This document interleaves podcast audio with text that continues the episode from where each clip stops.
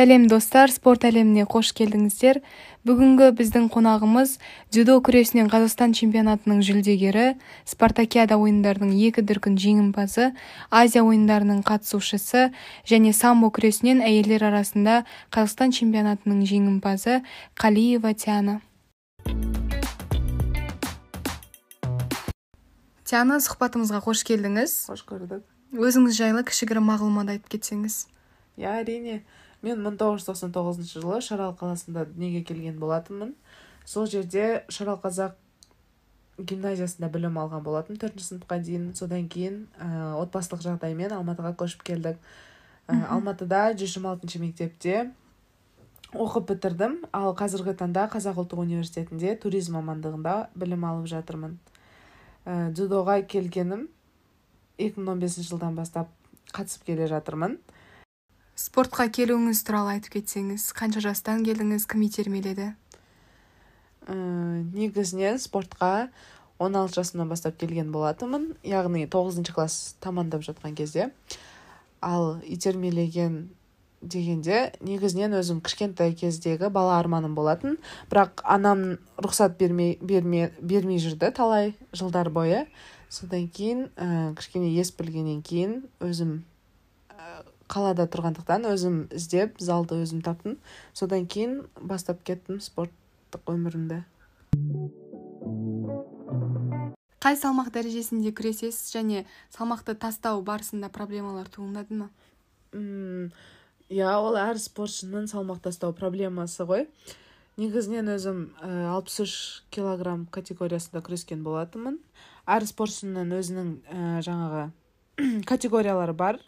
Егер салмағын алпыс бестен жоғары болса то жетпіске күресесіз жетпістен жоғары болса жетпіс сегіз деген сияқты. Мен өзім негізінен алпыс үштен бастадым. алпыс үштен бастаған болатын ондай ол кезде ондай проблемалар болған жоқ. Өйткені таза салмағым өзі алпыс екі сондай болды. Уақыт өте келе ә, тренировка жасағаннан ұдайы тренировка жасағаннан кейін тамақты да көп жеудің барысында салмағымды өсіріп алдым. Сол себепті жетпіске ауыстым. Алпыс үшке біраз жылдар қуаладым салмақты тастауға. Ә, ал жаңағы салмақты қалай тастауға деген сұрақ қойдыңыз ғой. Соған айта кетер болсақ ол ә, допустим бір жарыс болады. Сол жарыстың алдында бір ә, как минимум екі неделя бұрын өз өзін өз өзіңізді қолға алып ә, ә, правильный питание дейді ғой соған отырып дұрыс тамақтанып. иә дұрыс тамақтанып ә, режиміңді дұрыстап және екі уақыт екі уақытылы тренировка жасасақ жасаса то салмақ түседі. Ал егер де ә, сол жарысқа екі үш күн қалғанда бір төрт бес килограмм қуаласам ну енді өз басымнан өтіп жатқанда айтып жатырмын. Қуалағанда ә, бір допустим бір литр су ішсем уже екі килограмм болып қосылады. Сол себепті ол олай қолаған дұрыс емес деп ойлаймын. Ал дұрыс жағы ол сол жаңағы. Алдын ала бір ай бұрын алдын ала алып қолаған негізінен жақсы деп ойлаймын. А, жарыс кезінде күшіңіз кетіп қалып сол салмақ тастағаннан ұтылып қалған жағдайлар болды ма? Иә әлсіреу болады. Сол айтып жатырмын ғой дұрыс салмақ тастамағаннан кейін алпыс үшке ә, дұрыс тастамағаннан кейін су ішпейсіз денеңіздегі судың бәрі кетіп қалады қолдарыңыз дірілдейді басыңыз айналады. Салмақ тастау барысында осы неше түрлі проблемаларды айтып жатырсыз ғой. Тағы да қандай қызықты жағдайлар басыңыздан өтті? Тағы да ә, жасөспірімдер арасында қазақстанға барғанда ә, салмағымды контролировать етпей барған болатынмын. Бес килограмм асып тұрды. Пойызбен бардым. Ойладым түсіп кетеді түсіп кетеді деп ә, пойызда екі күн жүргенде екі күн тамақ ішіп бардым. Барсам сөйтсем салмағым түспепті әлі сол бес килограмм болды. Ал мен ә, барған күнін ертеңінде күресетін ой ертеңінде взвешиваться ететін болатын. Сол себепті ә, әртүрлі дәрілер іштім бірақ олар конечно өз әсерін шығарды. Күрескенде бәр жерім дірілдеп. Және де сол қызық сол тағы да бір қызық болған. Ә, тастай алдыңыз ба сол кезде? Бес килограммды? Бес килограммды тастадым иә бірақ ә, өте нашар болдым. Тастағаннан кейін дұрыс күресе алмадым. Татамиға шыққаннан бастап әлсіреп ә, уже қорқыныш пайда болды. Өз өзіме сен, сенбей бастадым. Өз өзімнен қорықтым. Сол татамиға шықтым. Дірілдеп құладым. Соның арқасында тағы да бір қызық жайт ә, қызылорда қаласында тоже қазақстан чемпионаты болған болатын. Сол жаққа барғанда соңғы ә, граммдар әрең қиын кетеді да и 200 грамм қалған болатын. Оны ә, былай да жүгірдім былай да жүгірдім. Кетпеді. Дәретке де бардым кетпеді. Каждый шаштың каждый үстінде киіп тұрған киімдердің барлығының рөлі қатты ойнайды. Даже жыласаңыз да жасыңыз кетсе де сол кәдімгідей рөлді қатты ойнатады. Сол ә, соңында елу грамм қалды. 200 жүз граммнан ары секірдім бері секірдім кетпей қойды.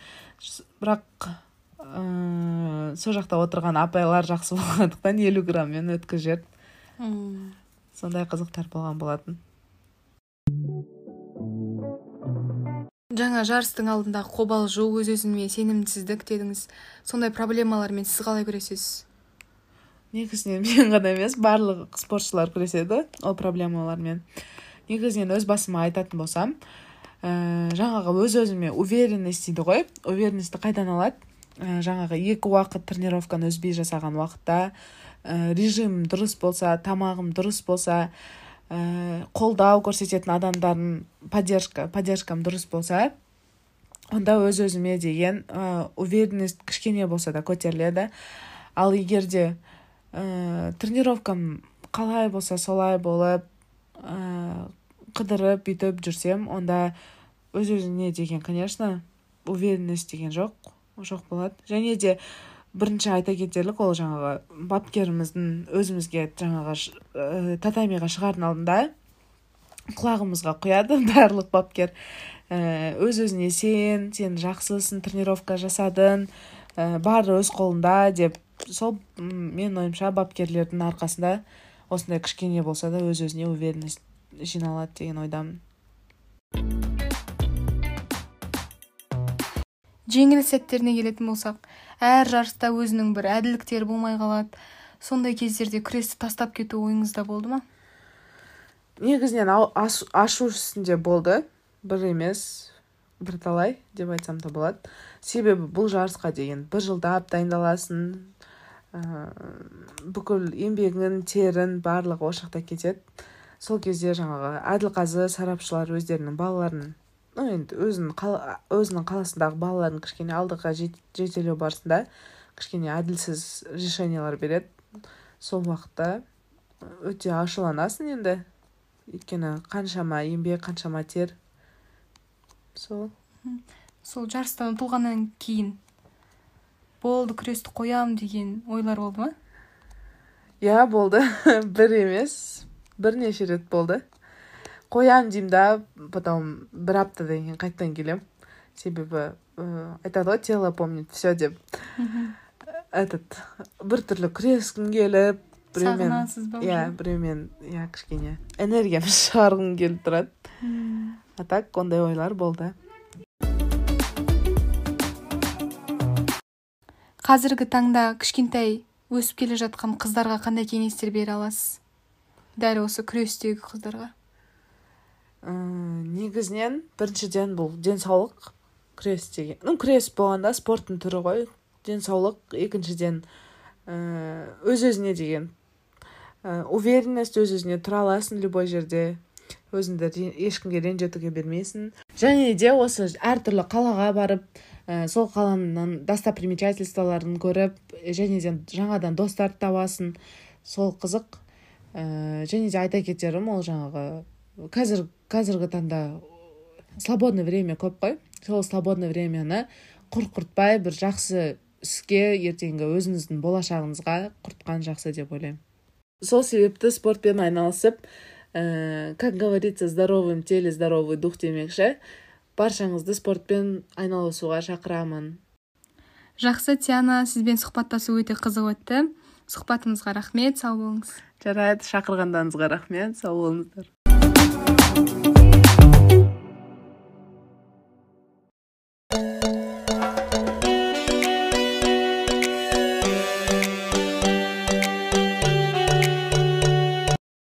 сәлем достар. Анелидің спорт әлеміне қош келдіңіздер. Өздеріңіз білетіндей алдыңғы эпизодтарда біз спортшылардан сұхбат алып түрлі кеңестер сұрап қызықты оқиғалар естіген болатынбыз. Бұл жолы спорт туралы тарихи қызықты деректерге тоқталатын боламыз.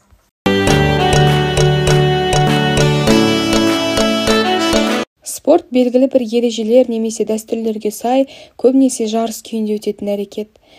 Жалпы алғанда физикалық мығымдығы өте маңызды болатын жеңіске немесе жеңіліске әкелетін әрекетті сипаттағанымен ақыл-ой немесе құрал-жабдық сапасы да маңызды рөл атқарады. Адам баласы спортпен денсаулығын жақсарту моральды және затты қанағаттану үшін өзін-өзі дамыту үшін шұғылданады. Спорт сөзінің арғы төркіні көне француз тілінен басталды. Диспорт көңіл ашу дегенді білдіреді екен. Ағылшын тіліне бұл сөз 1300 жылдары еніпті. Кейін басқа тілдерге таралып 19 ғасырдың соңына таман қазақ тіліне қолданысқа ене бастапты. Басқа мағынасы ұтысу аулау ойын көңіл ашу шынығу деген мағыналарды береді. Рогеттің анықтамасы бойынша зат есім күйіндегі спорт сөзі босау мен көңіл ашу үшін жасалатын әрекет дегенді білдіреді. Спорттың даму тарихына зер салсақ қоғамдағы өзгерістермен қатар спорттың мән-мағынасын да түсінуге болады. Қытай жерінде біздің дәуірімізден төрт мың жыл бұрын қазіргі спорт мағынасына жақын әрекеттің болғандығын айтатын заттар мен құралыстар бар. Гимнастика ежелгі қытайдағы кең тараған спорт түрі болыпты. Перғауындар мазарларындағы бейнелер мен заттар бірнеше ғасырлар бұрын да спорттың әртүрлі болғандығын хабардар етеді. Оның ішінде жүзу мен балық аулау да айта кетуге болады. Ежелгі персияда поло және атты рыцарьлардың найзамен жарысы негіздері қаланды. Ежелгі грекияның өзінде алуан түрлі спорт болған. Ең дамыған түрлері күрес жүгіру диск лақтыру және арба жарысы. Осы тізімге қарағанда ежелгі грекияда жалғыз ол жерде ғана емес тағы да басқа жерлерде әскери мәдениет пен әскери өнер спортқа тікелей қатысты болған. Сол жерде әр төрт жыл сайын пелопоннесса атты ауылда олимпия деп аталған олимпиада ойындары өтіп тұрған. Осы күндері адамзаттың даму деңгейіне сәйкес әсіресе бақ пен жаһандық байланыс жүйелерінде пайда болуымен осы спорт шұғылдануға көпшіліктің мүмкіндігі өсуде. Спорт кәсіпқой спортқа айналып одан әрі адамзатты қызықтыруда.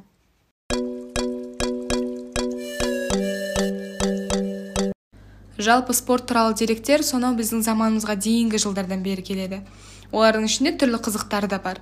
Сондықтан назарларыңызға тарих болып қалып қойған қызықты деректер топтамасын ұсынамын. Демосфен сократ гиппократ демокрит және аристотель секілді ұлы ойшылдар да кезінде олимпиада ойындарына қатысқан. Мысалы пифагор жұдырықтасу бойынша чемпион атанса платон панкратион жекпе-жегі бойынша үздік болған.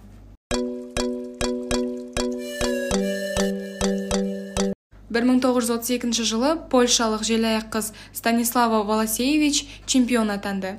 Тек 1980 жылы ғана станиславаның еркек болғаны анықталды. Бірақ ол кезге дейін спортшы қайтыс болған еді. Таң шаңғысы бойынша олимпиаданың екі дүркін чемпионы төрт дүркін әлем кубогының иегері херман майердің лақап славян тілінде сөйлейтіндердің күлкісін келтірген. Австриялық спортшының лақап херминатор болған. Ал футбол жағынан келетін болсақ 1976 жылы 20 наурызда қызықты оқиға болған еді. Астон вилла мен лестер арасындағы ойын екіде екі есебімен аяқталды. Бір қызығы матчтағы төрт голды да алаң иелерінің ойыншысы крис никол соққан еді. Кейде қызықты деректер трагедиялық та болуы мүмкін. Мысалы 1998 жылы конго демократия республикасындағы футбол матчында алаңға найзағай түскен. Нәтижесінде қонақтардың 11 ойыншысы қайтыс болып 30 жанкүйер ауыр жарақаттанды.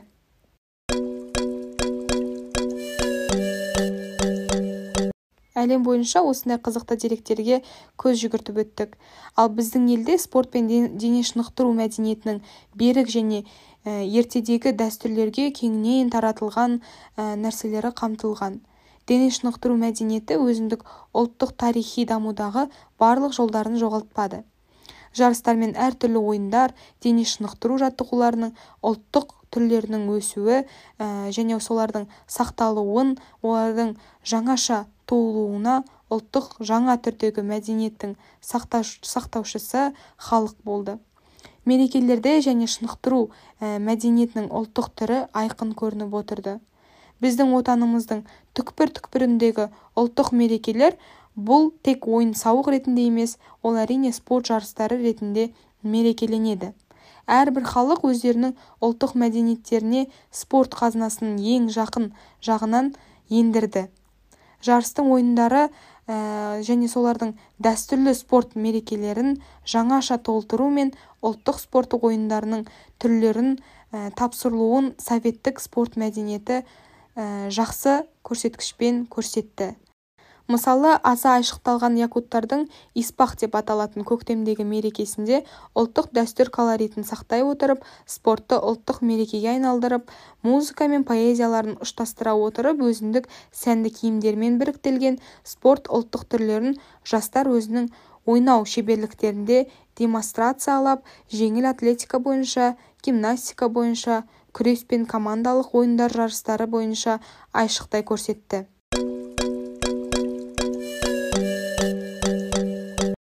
Осылайша дене шынықтыру мәдениеті спорттың жарқын көрінісі қазіргі кезге дейін мерекеленіп отыратын болды. Бүкілодақтық физкультурашыларға арнау және спартакиада мен физкультурашылар парадына айналып аталып келеді. Осы аталған ә, мерекелерді авет одағының жастарының советтік спорттағы барлық көптүрлілігін және спорттық үлкен жетістіктерін көрсетті. Спорттық оқиға және салтанатты мерекелер ол жалпы ұлттық ә, дене шынықтыру мерекелерін әсіресе село тұрғындары егін өнімі ә, бірнеше бау күндеріне және тағы да басқа мерекелерге атап өтіп жатады. Спорттық кеште жарыстар мен жаңа ұжымдар ашылуында өзі жұмысына арналған ә, заводтар фабрикалар ұжымының мерейтойларында дәстүрлі турнирлер мен мерекеленіп отырады. Тарихта бізге естелік болып отырған бірнеше мереке ол ә, 25 мамыр 1919 жылы всевобург отряды парадын құрады. Олар тарихи қызыл алаңды толтырды. Парадты ұлы ленин қабылдады және владимир ильич алаңдағы парадшылардың сәлемдесіп құттықтаған еді.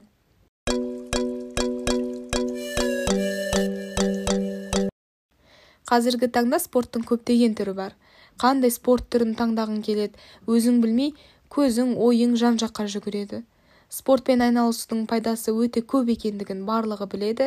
Сондықтан дені саудың жаны сау дене жаттығуларын адамның көңіл күйін ғана көтеріп қоймай қан айналым жүйесін жақсартады. Қан қысымы мен жүрек қан тамырлары ауруларының алдын алады. Және күйзеліске ұшыраған сәттерде дене жаттығуларына ден қойсаңыз жаңа құлшыныс пен тың серпін арқасында ерекше өмір сүруге ұмтыла түсесіз. Сондықтан ғасырлап келе жатқан спорт түрлерін дамытып өздеріңізге ұнайтын нәрсемен шұғылданып өмірлеріңізді одан ары жақсарта түсіңіздер.